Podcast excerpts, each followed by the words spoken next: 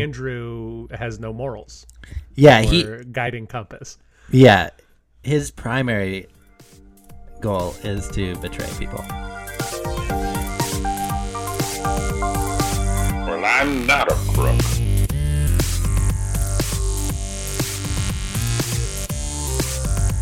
But because they are hard. Welcome to Presidential Deathmatch, the only presidential debates that matter. Today's headlines Bad swag is worse than bad politics, the stuff of tabloid lies, and see us run jokes into the ground. Which candidate would have the best long distance relationship, William Wirt or Robert M. La Follette? We find out using a Cleveland Harrison style debate because we do it all from our own homes. All that and more on today's Presidential Deathmatch.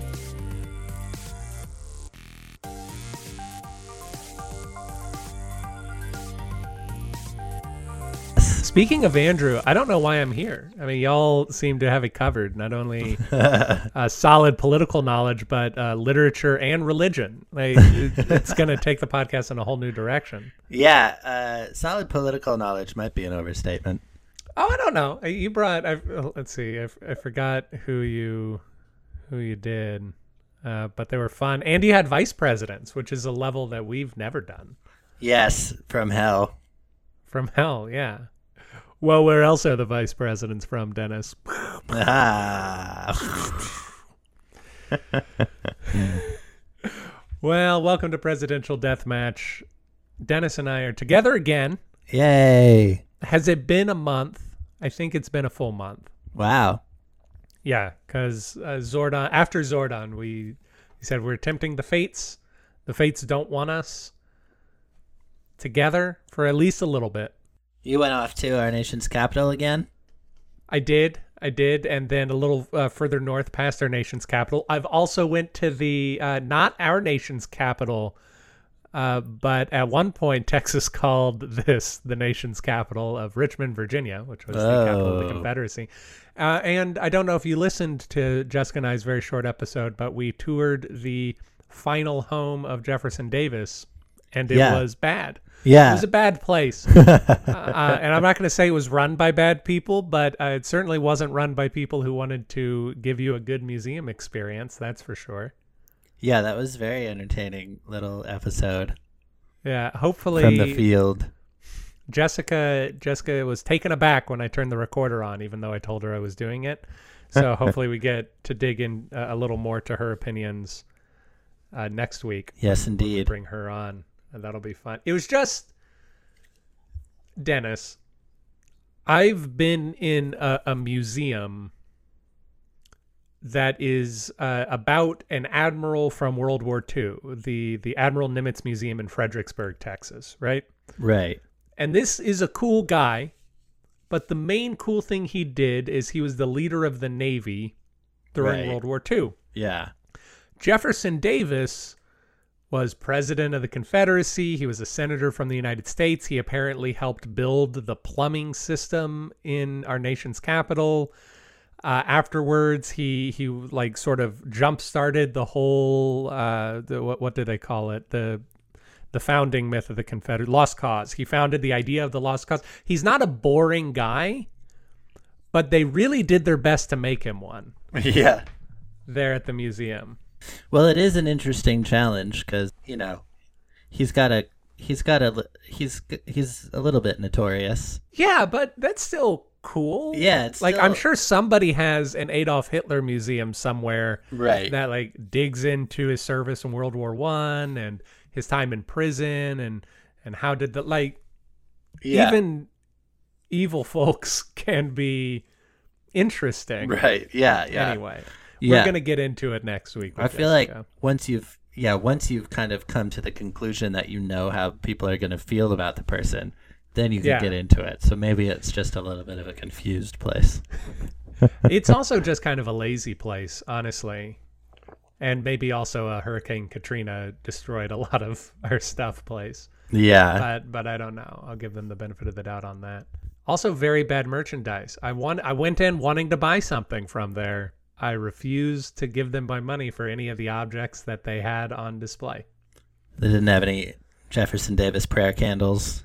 No. Oh, what I wouldn't give. You know, a museum I would go to, and I would visit their gift shop, is Hmm. if there was a Jeff Davis museum. The improviser and comedian? Ulysses S. Grant's horse, Oh, I see. Yeah. who's, who's named Jeff Davis. No connection at all to Jefferson no Davis. relation. No relation. It's too bad because the jokes really write themselves. Yeah. You have to think. Well, Dennis, uh, what we're talking about today is long distance. Yes. The idea of of being apart from from one's partner. Uh, it it has some relevance to being a president, especially in the olden days, because uh, a lot of the diplomats and statesmen uh, would be apart from their their wives and their families for a long time. Uh, but mostly, this was originally going to be my solo episode, as I talked about the fact that I have abandoned my wife in Maryland, or she's abandoned me Yeah. in Texas. The room you're in right now looks to me like the same room you're always in. So It it is, and yet if you were to use a little magic mirror uh, to to spy on Jessica, you would find her in an entirely new place. Uh, and but but why do it solo when my good friend and co-host Dennis Buddy also has experience in a long distance relationship, uh huh. and thus this is what we're doing. Both successful and failed. oh, really? yeah. and then, of course, where I thought you were going, which is that we've been partners in podcasting, right. We've had a long distance and relationship. it's been yeah. Never once have we recorded in person. I briefly Just- entertained the idea of of coming down to Houston this weekend, and it would have been very funny in an ironic sort of way for this to be the only in person episode.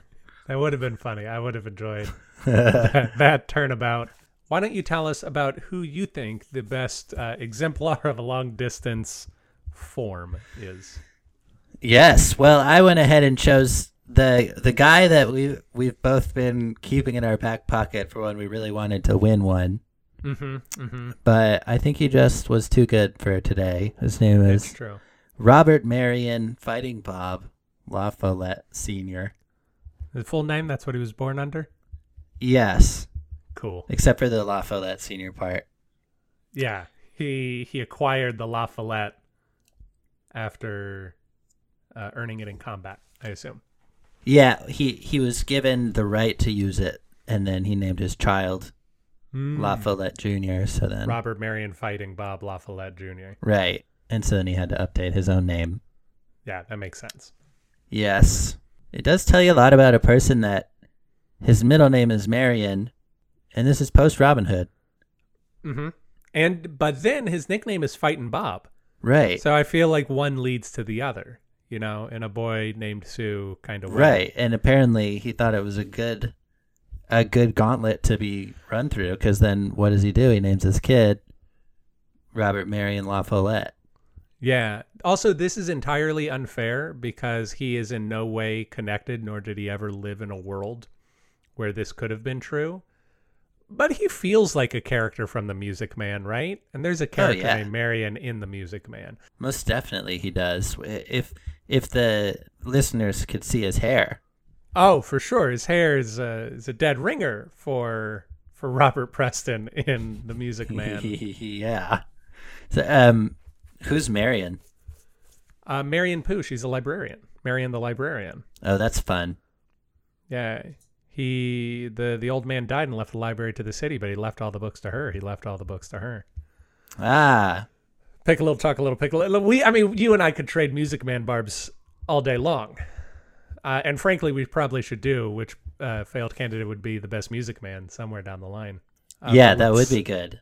Let's learn a little bit about uh, Mr. La Follette. Yeah. What, what briefly can you tell us about him before we dig into the meat of today's topic? He was big in a Shipoopi. Yeah, for Um, sure. he, He hated pool. Like it really got his his dander up. yeah. People started playing pool in his town. Um, he was he was a progressive Republican for the most part. He was, and this was uh, turn of the century ish times. He was born in 1855 and died in 1925. But he was running for stuff right up till the end. Actually, ran for Right, big thing right at the end. Yeah. because he um he was he was governor of Wisconsin. He was a congressman at one point. He was a senator at one point. Um, very considered one of the most famous Wisconsin people in Right, politics. He has been he was named one of the top five U.S. senators of all time. Yeah. When uh, Coolidge, so Harding was president and died, and then all the corruption that had been going on comes out. And so it kind of triggers this uh, like, did we just get really complacent about our re- Republican presidents kind of situation? Pe- people are like, not sure how they're feeling about it. And uh, he's kind of got that TR energy, the progressive Republican situation going on, but he also Right. more socialist for sure. I would, I think. So he uh, basically, when Coolidge runs for the first time, so he's been president because Harding died, but now now he's running for election, and the Democrats put up this guy John W. Davis, who's also kind of uh, boring and conservative and stuff. So La Follette runs in the um, as a third party candidate in the Progressive Party and gets loads of support, and it's one of the most successful third party candidacies ever. Right. He is the last person in American history outside of the South to win a state as a member of the third party. He won his home state of Wisconsin, as I recall.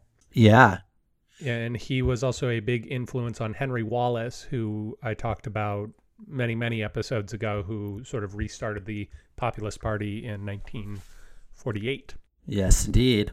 Now, Dennis, why did you pick Mr. La Follette today? Um, well, the in my experience, to be in a successful long distance relationship, Wisconsin has to be involved somehow. So that was one Yeah. thing. And then, That does not bode well for us. well, we don't know where NASA's going next. That's true. I meant Uh, you and me. oh, true. And uh, also, um, his wife was a was a suffragette and a very cool cat. And uh, and I think that there's a lot that inside of that whole piece that really is a testament to his their mutual respect, and I think that that's very important. Well, I am talking about William Wirt today, another third party candidate, another successful third party candidate, as a matter of fact. Uh, we are, uh, I am arguing for the first person to win a state outside of a major party banner, and you are arguing for the last person to do so from outside of the South. Ah, yes, of course.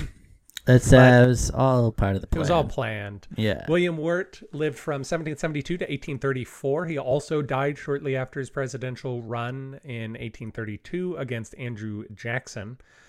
Uh, Oh. he was the somewhat reluctant flag bearer of the anti-Masonic Party, and uh, we're going to dig into the whole whole anti-Masonic story today. But Well- uh, among I'm only familiar with the Anti-Masonic Party's very sad sequel. right, well, get ready for the wackadoodle beginning. the anti-Masons begin. Just balls to the wall insanity. Anti-Masonic I, I Party. probably oversold it a bit. It's an interesting story, but it's not the stuff of tabloid legend. or is it? You'll find out. You be the judge. So, William Wirt, uh, among other things, he was the longest serving attorney general in American history. Uh, he served for 12 years for the entirety of John Quincy Adams and James Monroe's presidencies. And he is credited as one thing that we kind of lose sight of is how people invented America. And when it was first invented, nobody really knew or cared anything about it. So the original cabinet positions didn't necessarily have a lot of power or prestige. Hmm Andrew uh, Andrew Alexander Hamilton left the Treasury Department because it he wasn't getting enough money from it to support his family, and it wasn't a job that people respected. So William Wirt is credited for making the Attorney General position a prestigious position. I could not find anywhere where they said why that was. They just said it a lot, but I, I didn't see a whole lot of interesting cases that he brought during his tenure or speeches or like reorganization of the Justice Department. So I don't know why they say that he was responsible for really putting uh, the Justice Department on the map, but they say that he did. Interesting. Yeah, and I'm going to save a lot of my information for when we dig into the actual story of the anti-Masons, but uh, but Mr. William Wirt was the the was and is the most successful presidential candidate from Maryland. Oh, which is where That is where Jessica Jessica, currently is sleeping. Not currently as we record this, but uh, broadly speaking, she does spend a lot of her time sleeping. he got a total of seven electoral votes, all of them from Vermont, uh, for he won one state, that state being Vermont. I've been there. Yeah, I've been there. We've been there at the same time. Yeah, Chester. Uh huh. Got a walking taco. Oh yeah. Did not get to see did. uh, Sharon's dad wrestle a police officer. That's no, that that was a letdown. But other than Yes. that, it all worked out. well. yeah. yeah. So Um, Dennis, I was just in Chester last weekend. oh, were you? Yeah. Is your mom back up there? Yeah. That makes sense. It was a lovely time. Oh, I bet. Ah, I bet. I wouldn't mind going back up to Chester It's a good spot. How far north did you go? in Vermont. Or on on your trip? You said you went north of DC. Oh, uh, Baltimore. Baltimore. Yeah. Baltimore City. Charm City, they called it. Well, it sure charmed me. City by the Bay. A story for every person and a person for every clam. That's that's the Baltimore I know. Yeah, Baltimore's gone to the dumps ever since Pool made it there. Oh yeah, now it's just the clams city. Actually, Baltimore was very nice. I look forward to being there again at some point. Uh, Is that where NASA is? No, no, but that was the airport I flew out of. Space City, they call it. Space City. Anti gravity pools taking Space City to the dogs. As we drive, man, that was a real quick three beats on that joke. I think that's the fastest we've run a joke into the ground on this program. We shan't be outdone, though. Uh, Dennis, before we talk about uh, long distance, by which I mean uh, I will listen to you about how to make this relationship work with my wife, uh, let's go to retractions. You got retractions. I really should have gone until You Got Trouble first, but I didn't think about it until I'd already done the music. Uh, and it's too fast of a patter song for me to make it up off Yeah, it's, head. it's pretty tough. I mean, You got it- retractions with a capital R, which rhymes with Bar. bar, which stands for pool. uh, we need Andrew back to pull out one of his, His sick raps. raps. Yeah, that was cool. We'll lay down the train tracks behind it. So, speaking of Andrew, Andrew is a, a wonderfully bright person. Obviously, he's a very smart man, uh, and, he, and he's incisive and he's wise, and he has just the most wonderful ability to look inside of you and find the one thing that you're most sensitive sensitive about and rip your heart out Yeah. while you're sitting and listening to him uh, on as guest on your podcast. uh, so because of, because of course uh, literally since i was in kindergarten my school teachers have openly made fun of me for run-on sentences uh, and it is a deep-seated problem that i have that i am incredibly sensitive about and just uh, he just he just got in there He dug and into it. over and over yeah oh that was good listen if our podcast wants to make people feel something Andrew sure made me feel something. And let's And not pretend was- he can't do that for every single person he's met. Oh, absolutely. He's a killer. Uh, but Oh, Andrew man. said, I should be ashamed. And indeed I am. Oh man. Well, okay. Uh, he also said we don't get to the debate that frequently, which I took as a personal insult. Uh, surely he should know that we underwent a format change a few months ago, whereupon we discovered that nobody was voting in the polls. So instead of structuring it as a formal debate, uh, it, it was more of a conversational debate now. Yeah. Right? Yeah, exactly.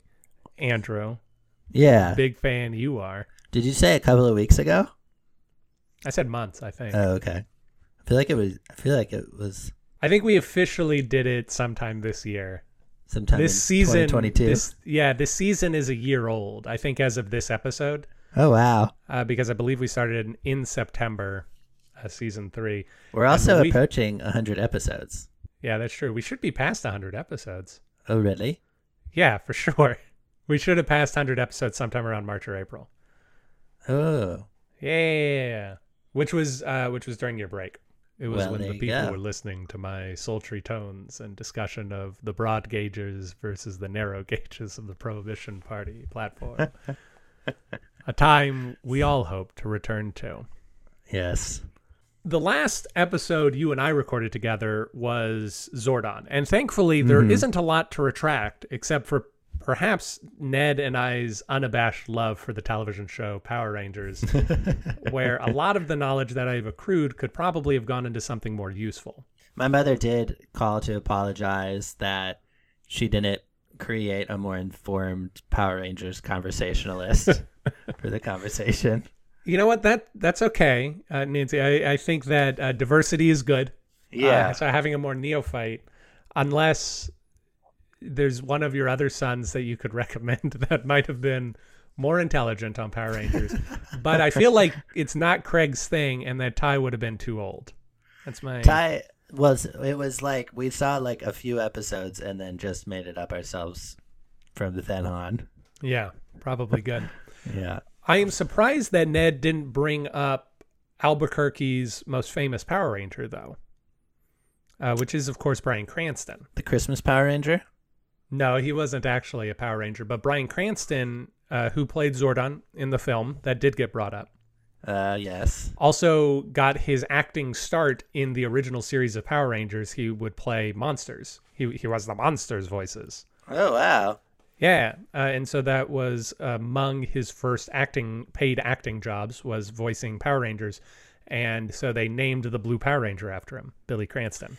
Oh man, he's so he's just He's so cool. ubiquitous. He's yeah, Yeah. very successful.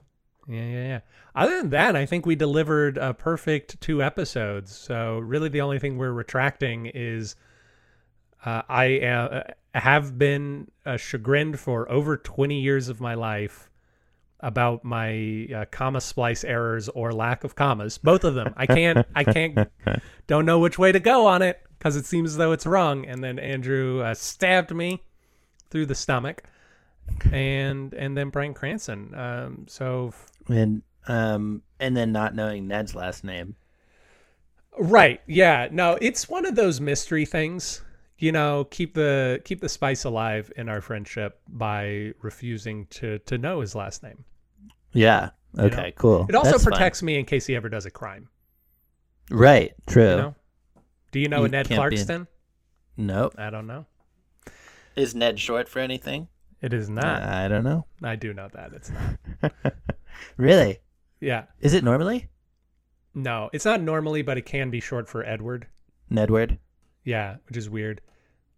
It's a weird choice. One one thing I think either you or Andrew brought up is asking whether someone could go that long in a friendship and not know someone's name, which uh, Ned and I's mutual friend Jonathan Pena uh, didn't know how to spell my last name for I think the first 15 years of our relationship, maybe longer. And I thought that it was a joke every time he misspelled my name, but it wasn't. Law. And you would laugh. I did. And everyone would wonder why you were laughing. Yeah. That's so funny. Presidential deathmatch doesn't regret the errors, for there were not any. So, Long distance. long distance. Dennis, you had a long distance relationship. Yeah. How does it remind you of Robert Marion La Follette? And how did it work? Like, cause, cause we can imagine, even if you're not physically separated, the job of the president, or really the job of any politician, is an alienating one, one that takes a lot of your time and focus and energy. yeah. So how how do you maintain a strong relationship under those those difficulties? Yeah. Well, talking on the phone. Yeah. We're very lucky in that regard to have quite a lot of technology. Yeah. I don't know if um that was the case for either of our people. No. No, maybe La Follette, I do. not There's William Wirt. There's this nice picture of La Follette on the radio here, so he could at least radio. Um, and yeah, I mean, I guess what I was saying earlier, um, the mutual respect and kind of just being excited that you're both on each other's teams and supporting success for the other person equally is I think an important part of it. And uh and that and uh La Follette in general was very um progressive and his wife was a suffragette and did a lot of her own things and and also went to UW Madison Mm. and uh, and University of Wisconsin Law School and stuff. And so they, I think they, it's clear that they supported each other very much. But they also had lots of kids, and they wrote a magazine together, Oh, um, cool. which is like that's a great remote hobby, you know. That's true. So I don't know the re- I th- I think of him as a dark horse candidate for this episode because I don't know if they ever did have to like be separate from each other because and I was curious you already kind of mentioned it but I was curious about it and I looked into it some and in the first days politicians in the national scene would go and they would stay in like apartments in DC Boarding houses. They still do, actually. A lot of Right. them. and for like a period in the middle there people were straight up moving with their families hmm but then it but then once travel got easier it went back to how it was originally kind of That's true, although out. that's not why. Uh, it it switched to that because Newt Gingrich thought that the congressmen were getting too friendly with other congressmen because Yeah. their families were meeting and becoming friends, and so he said you should leave your family back in wherever it is you came from, fool. It's a Newt Gingrich quote. it's an interesting thing it seems kind of dumb Well, it's uh, it's dumb if you care about people's happiness or about the country working well. Uh, Yeah, it's not dumb if you uh, if your main fascination is maintaining power and making sure that no one ever makes compromises. In that case, it's actually really quite effective, as the last thirty years or so has shown. Because they reduced to three day work three day work weeks so that everyone could fly home right Mm-hmm, mm-hmm. which is just Which is up from the two day work weeks of the congressional past. Those guys hate to work. when was that Oh, it didn't really exist. I'm just making oh. fun. Like Congress takes all of August off, which is kind of lame, yeah you know.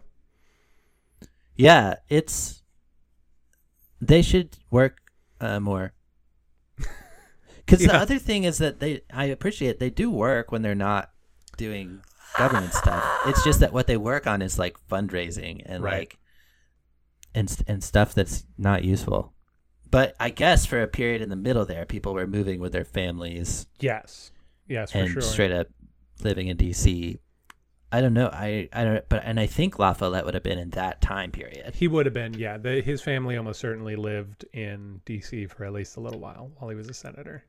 So that's points against me Right. On the other hand, William Wirt has maybe the longest distance relationship of all time because he married his the love of his life in uh, in and around eighteen what is it, like seventeen eighty three or so, uh, and then she died two years later. So it's it's tough to bridge that chasm. So we both chose dark horse candidates. We did, which is uh, real nice for us because it means that uh, one of them's got to win. You only got two choices, America: William Wirt or Robert M. La Follette. The other person I was considering was someone who probably did really do a lot of distance, but I don't know. I think uh I think in I think I'm just very convinced by this fellow.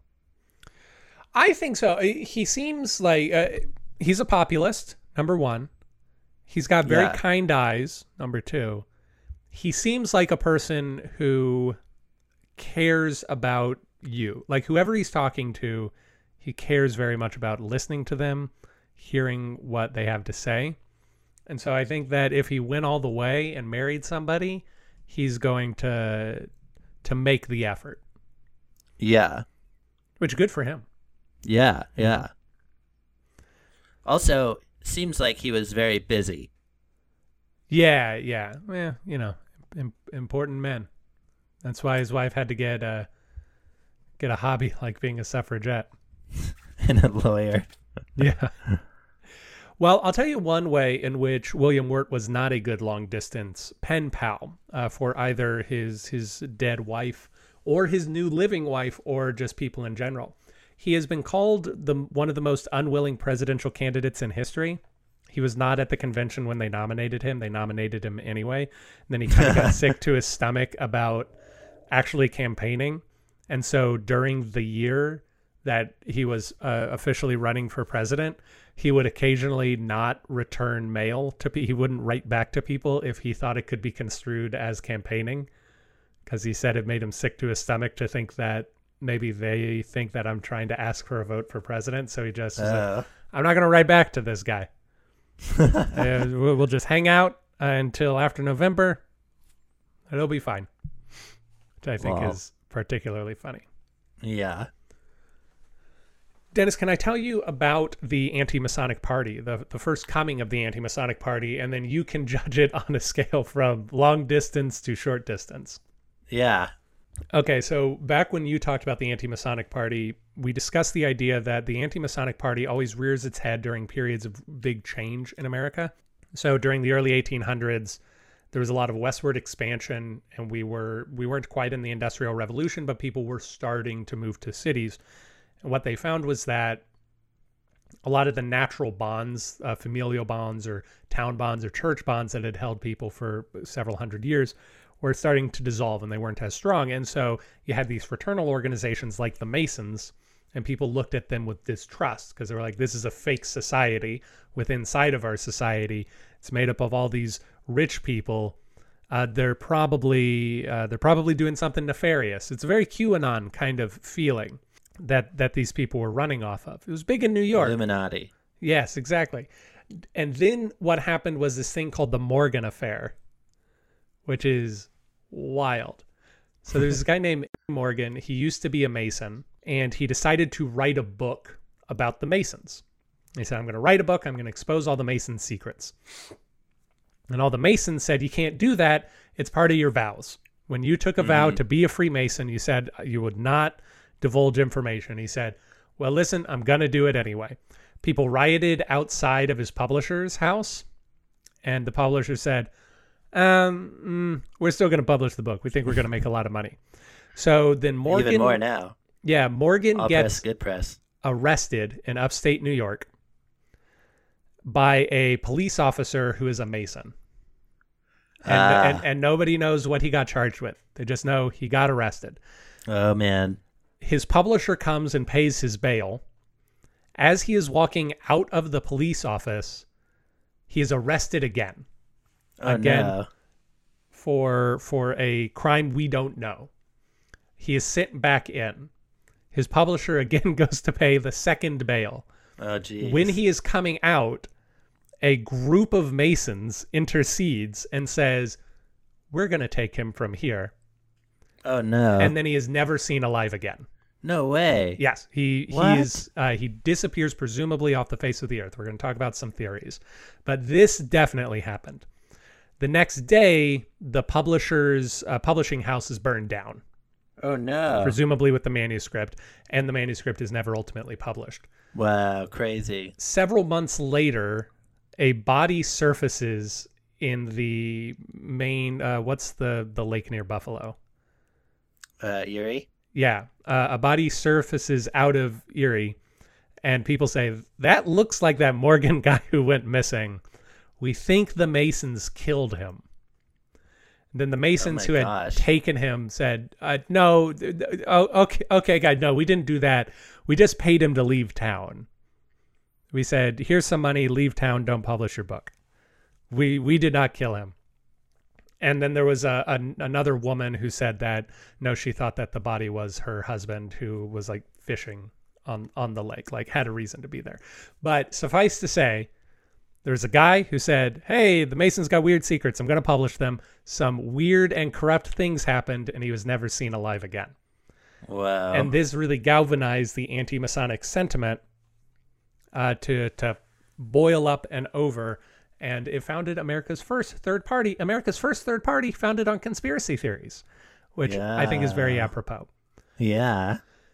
Uh, another quick couple of interesting points on the anti-Masonic Party. One of their biggest early adopters was a man named Millard Fillmore. You may Uh, remember. And in fact, a lot of anti Masons uh, eventually got folded into the Whig Party because they were both anti Mason and anti Jackson, which is interesting. And in 1836, they decided instead of putting up their own candidate, they would endorse William Henry Harrison, who lost in that election. That was the 1836 election. And he would go on to win in 1840. But uh, a lot of the new prominent New York Whigs, like Millard Fillmore and Thurlow Weed, were originally anti Masons. Interesting. Well, be, wasn't Millard Fillmore was even from Buffalo, wasn't he? Yes, he was. So he did. Maybe he just saw it all happen. He was part of it. He was part of it. I didn't say it. I didn't say that. I didn't say Wait. that. What did this? What did this writer guy look like? Uh, he looked like a real dweeb. Did he look like a mallard? he did. Dun dun dun. He he looked a bit like if you tried to draw Ben Franklin from memory. That's what Millard Fillmore looks like. Uh, I also want to toss in. I, I found some love letters that presidents sent to their wives, Ah, And- good call. and I thought I could read them, and you try to guess which president said it. Yes. All right. By the same token that the bearer hereof sat up with you last night, I hereby order you to give him as many kisses and as many hours of your company after nine o'clock as he shall please to demand and charge them to my account. Who said that? That is a letter we have read on Presidential Deathmatch before. Is it Ulysses S. Grant? It is not Ulysses S. Grant. John Adams? It is John Adams, Ah. written to one Miss Adorable. Whether that was his wife, we do know, but I'm not telling. yeah, he would have been good for this one if he lost. yeah, he, he would have been really solid. Or Reagan. Yeah. Yeah. Let uh, let's do a little harder one. Now this is going to have the name of the president's wife in it. So if you remember all the first ladies, you should be okay. This is your birthday, my own precious darling, my own Nell. The remembrance came with my first waking in the early morning, as the thought of you always does. And as I kissed your dear image, my heart was full to overflowing with love and prayer for you. I was happy and thank God that He had so blessed me. I would that the next birthday may find me with you, and that I may tell you all I would wish, all that my heart is now too full for me to write. My heart is full indeed, for my thoughts have been of you all the day. Ah. So that also sounds like he wasn't with her. Yeah. Huh. I'm trying to think. Now it's so. I feel like I should. It's just, but I don't know. I think it's also a little cheating because I believe there are a few first ladies named now. I could be wrong about that. Is it in 1900s? It is not in the 1900s. It's an 1800s letter. 1857 is the date of the letter. Oh, interesting. Actually, let me check something real quick. It is uh, actually dated August 30th, 1857, which means we just passed the 165th anniversary of Nell's birthday. Wow. Is it Pierce or like no no it wouldn't have been couldn't have been him in 1857. Not in 57. It's a good guess, though. Polk? Polk's long dead. Long dead. Polk was before Pierce. Oh right. Yeah. And he like passed away right away Yeah. after his presidency. You can ask me a question about the president or about his wife, I guess, but I'll, I'm more likely to know Yeah. president. Um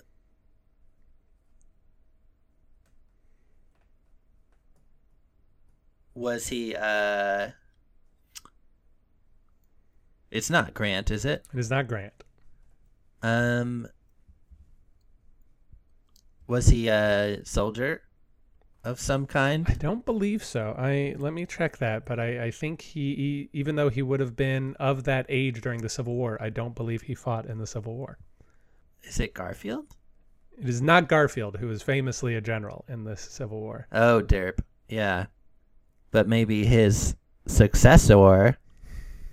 Uh, maybe his successor. Are you saying Chester A. Arthur? Oh, it's Hayes, isn't it? It is Chester A. Arthur, actually. Oh, it's who, who Arthur. is Garfield's successor. He was in the army, but he was basically a logistics man for the army.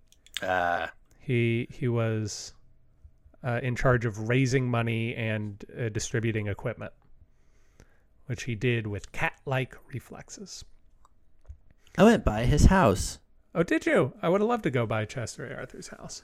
We didn't stop, but Carolyn was like, "That sign just said Chester A. Arthur's house."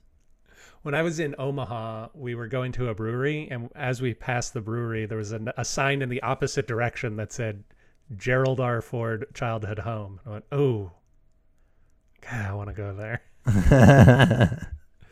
All right, our last letter. Although this article claims that Ronald Reagan is the undisputed king of love letters, and we have heard his love letters in the past, and they are excellent. This, I think, is uh, perhaps most surprising from love, uh, how adept this man is based on our general perceptions of him. From the first moment of my acquaintance with you, I felt the influence of genuine affection. But now, when I reflect upon the sacrifice which you make to virtue and to feeling by conferring your hand on one who has nothing to boast of but an honest and upright soul and a heart of purest love, I feel gratitude superadded to affection for you. Indeed, I so esteem myself most rich in possessing you, to ensure your happiness is now my only object, and whether I float or sink in the stream of fortune, you may be assured of this, that I shall never cease to love you. Suffer me to assure you of my constant esteem and affection, and believe me to be yours most affectionately. And then he says his name. I love it. Yeah. Is that one Hayes? It is not Hayes. Hayes did not make the list. Because I know Ruthy B. Hayes Mhm. was more of a passionate writer than he was at all interested in politics, Right. as I recall. yes. And he Oh. loved his wife. He was the man who like stuck the toy ring on his hand. Yeah, yeah, yeah. Yeah. Um, I, I mean Harding certainly. Harding's good. Harding's in. Uh, Harding was disqualified uh, from this article that I'm reading because all of his love letters were to his mistress. Yeah, yeah, and profane. Yes, super, super, Super profane. profane. It. I feel like from the language, this person predates all the people we're talking about.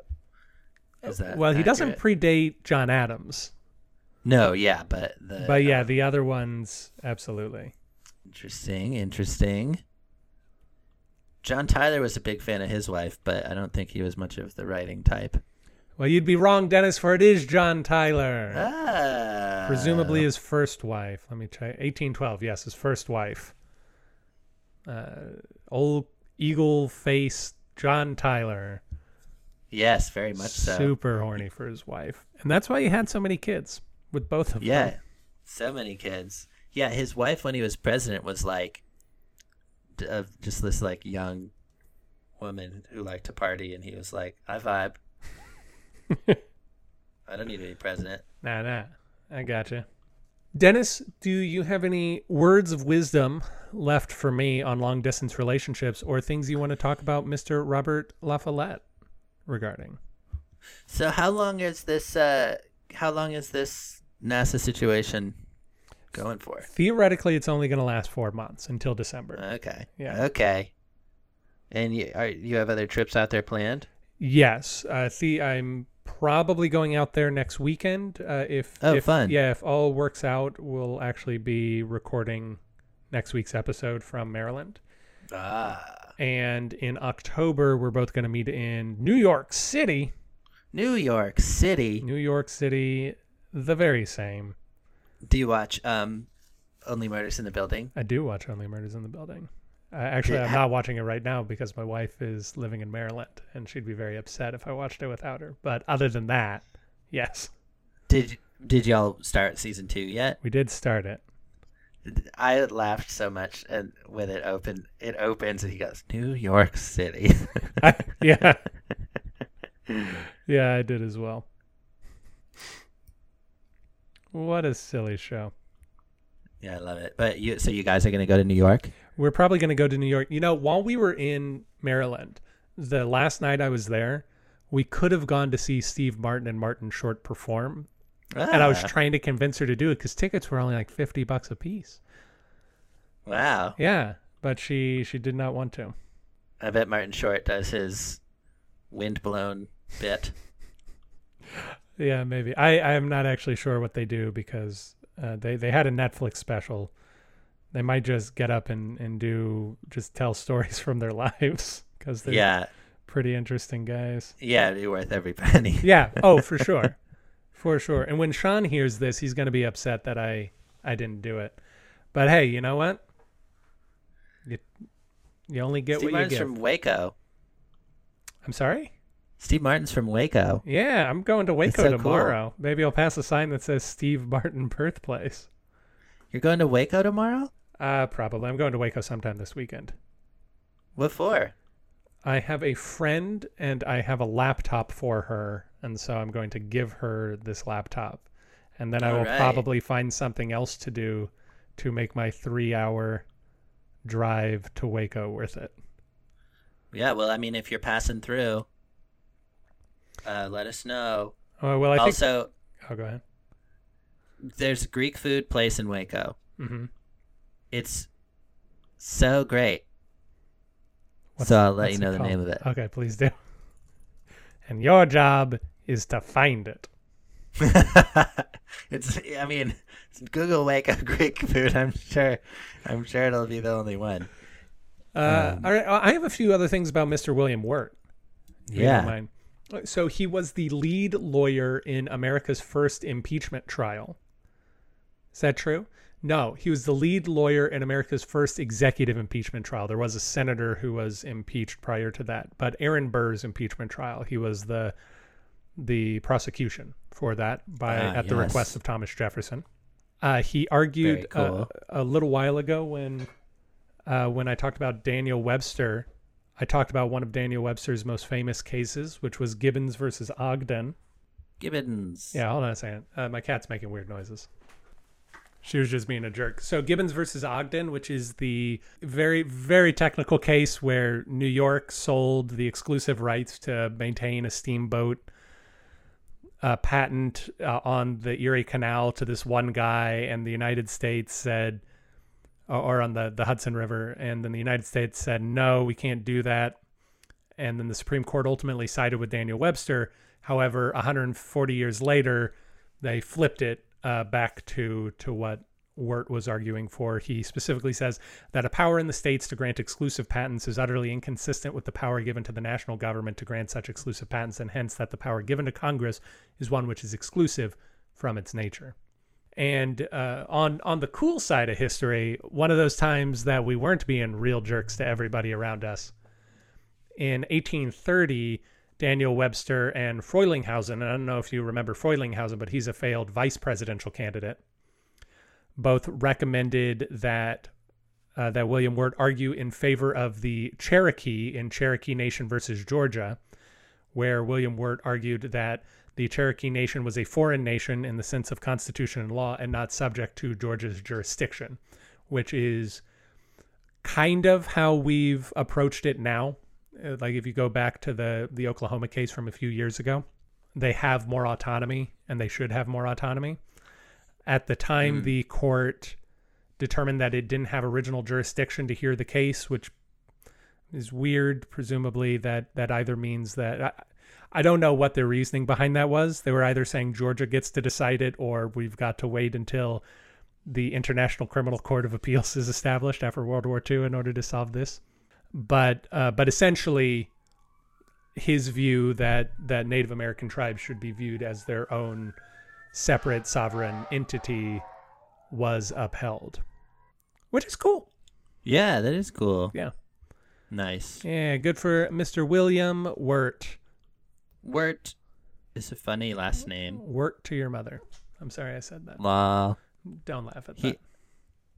his um, yeah, his uh, I think that's probably the biggest challenge for him in the distance thing, is it gives his Mhm. wives the distance gives his wives a chance to consider whether Whether they like that name, I think Wirt's a pretty Yeah. cool last name. I think it looks neat. W I R T.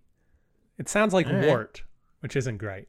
yeah yeah Uh, that's that's the downside to it. But at the same time, I've recently said that there was a man named Frelinghuysen, so we can see that there's still That's true. That is plenty plenty to dig down. What Wirt should do is he should have a kid Mhm. so that then he could change his name to William Wirt Follett La Follette Senior. yeah, fighting Bob Senior. Yeah. oh, that was my other thing about my fellow is uh, fighting Bob. He got that nickname because he's a fighter. right. That's important, you know, is to Got to fight for your love. Yeah, you gotta, you just gotta be persistent, Mm-hmm. and it. You have to you never back down, no matter what Right. anybody says or how many times someone says it's over. You know in your heart that the fight's not over. Exactly, exactly, and um, and it, it- case in point, you had mentioned how your Wirt was just around for so much of the time, Mm-hmm. and uh, similar with with this guy. He, I mean, he had his whole Wisconsin career and was governor and whatnot, but then as a senator, he was Roosevelt administration, being TR, Right. Taft administration, Wilson administration, Harding Coolidge administration, and then he passed away. But still, I mean, that's pretty good. It is. You can't you can't fight that longevity. Robert M. La Follette. He's actually a very cool guy. I hope that we get a chance to talk about him a, a little bit more because he's one of the dudes that just has a gigantic list of things that he did in his life. Yes. Unlike William definitely. Wirt, who has stuff he did. well, Dennis, I, I don't know that there's anything left to say about long distance relationships, about William Wirt, or about Mr. La Follette Sr. today. Indeed. It is always a pleasure to talk to you. And next week, we should be talking about the recent NARA kerfluffle with with uh, former President Trump and his records, is exciting because I know an archivist. Yeah, I saw that and I was like, I feel like this is gonna come up. Mm-hmm. Mm-hmm. We were, we were all pretty excited uh, when we said, finally, we get a chance to talk about the Presidential Records Act. Thank God. I've been waiting Yeah, more than hundred episodes just to get to this. there we go. Well, I will talk to all of y'all later. Bye. Bye.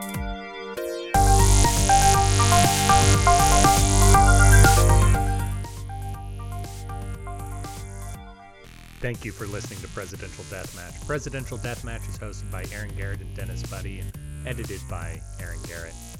If you like the show, please consider giving us a review wherever it is.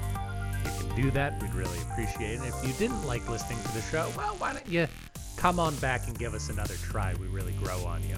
If you want to reach out to us, you can do that at contact at pronoiatheater.com. You can also support the show in a variety of ways, including at pronoiatheater.com slash store. We hope you enjoyed it, and we hope to hear from you soon.